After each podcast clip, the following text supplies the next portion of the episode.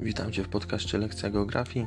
Dzisiejszym tematem jest wpływ zmian politycznych i gospodarczych na strukturę zatrudnienia po 1989 roku. Z lekcji dowiesz się, jakie zmiany zaszły w Polsce na przełomie lat 80. i 90., jak wpłynęły one na zmiany zatrudnienia w polskich firmach. Zapraszam do wysłuchania.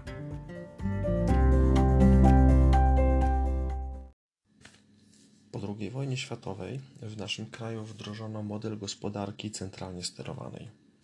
E, cechowała się ona mm, własnością państwową, dominacją własności państwowej, e, przy jednoczesnym ograniczaniu możliwości prowadzenia indywidualnej działalności gospodarczej.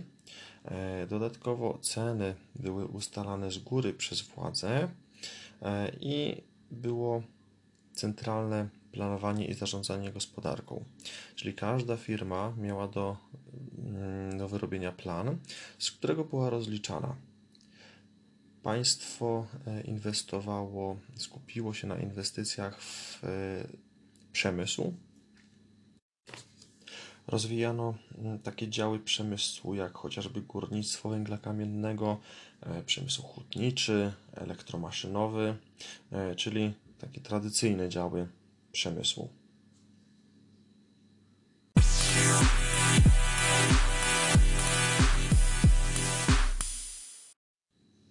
Po 1989 roku, mm, w wyniku zmian politycznych w naszym kraju z gospodarki centralnie sterowanej przeszliśmy na gospodarkę rynkową. Wcześniej dominowała własność państwowa. Tutaj w gospodarce rynkowej mamy dominację własności prywatnej. Ceny ustalane są już nie przez państwo, a przez rynek. E, wszystkie procesy regulowane są również przez rynek i mamy mm, znacznie większą, mamy bardzo dużą swobodę w prowadzeniu mm, indywidualnej działalności gospodarczej. Przed zmianami w gospodarce mogliśmy obserwować mm, duże bezrobocie ukryte. Była to sytuacja, y, w której mm, był przerost zatrudnienia, e, czyli pracowało więcej osób niż to było konieczne. Była taka zasada, że e, każdy musi mieć pracę.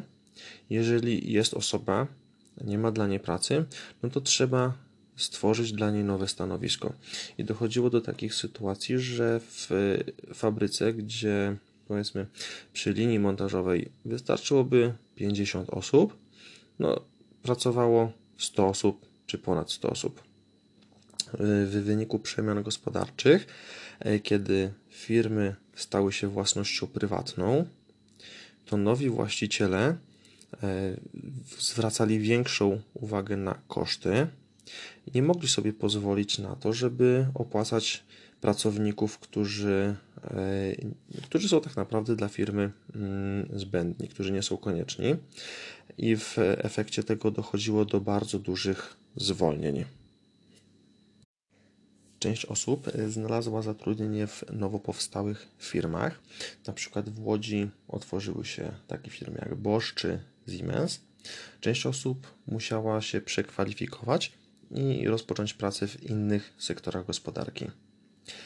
E, dominacja, wcześniej dominował e, przemysł, który po zmianach politycznych e, zmniejszył swoją rolę na rzecz usług. Coraz mniej osób zaczęło pracować w przemyśle, coraz więcej osób przechodziło do usług.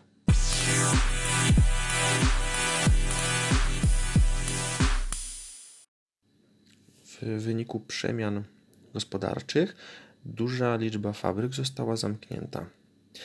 Zamiast wyburzać je, poddano je procesom rewitalizacji, czyli e, otrzymały swoje drugie życie.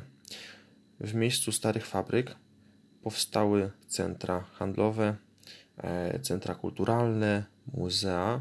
Część fabryk zamieniano na powierzchnie biurowe, a w części fabryk e, utworzono mieszkania.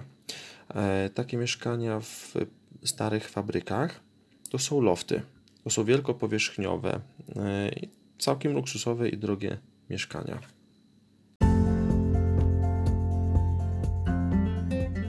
Dziękuję Ci za wysłuchanie tej lekcji i zapraszam do kolejnych odcinków podcastu.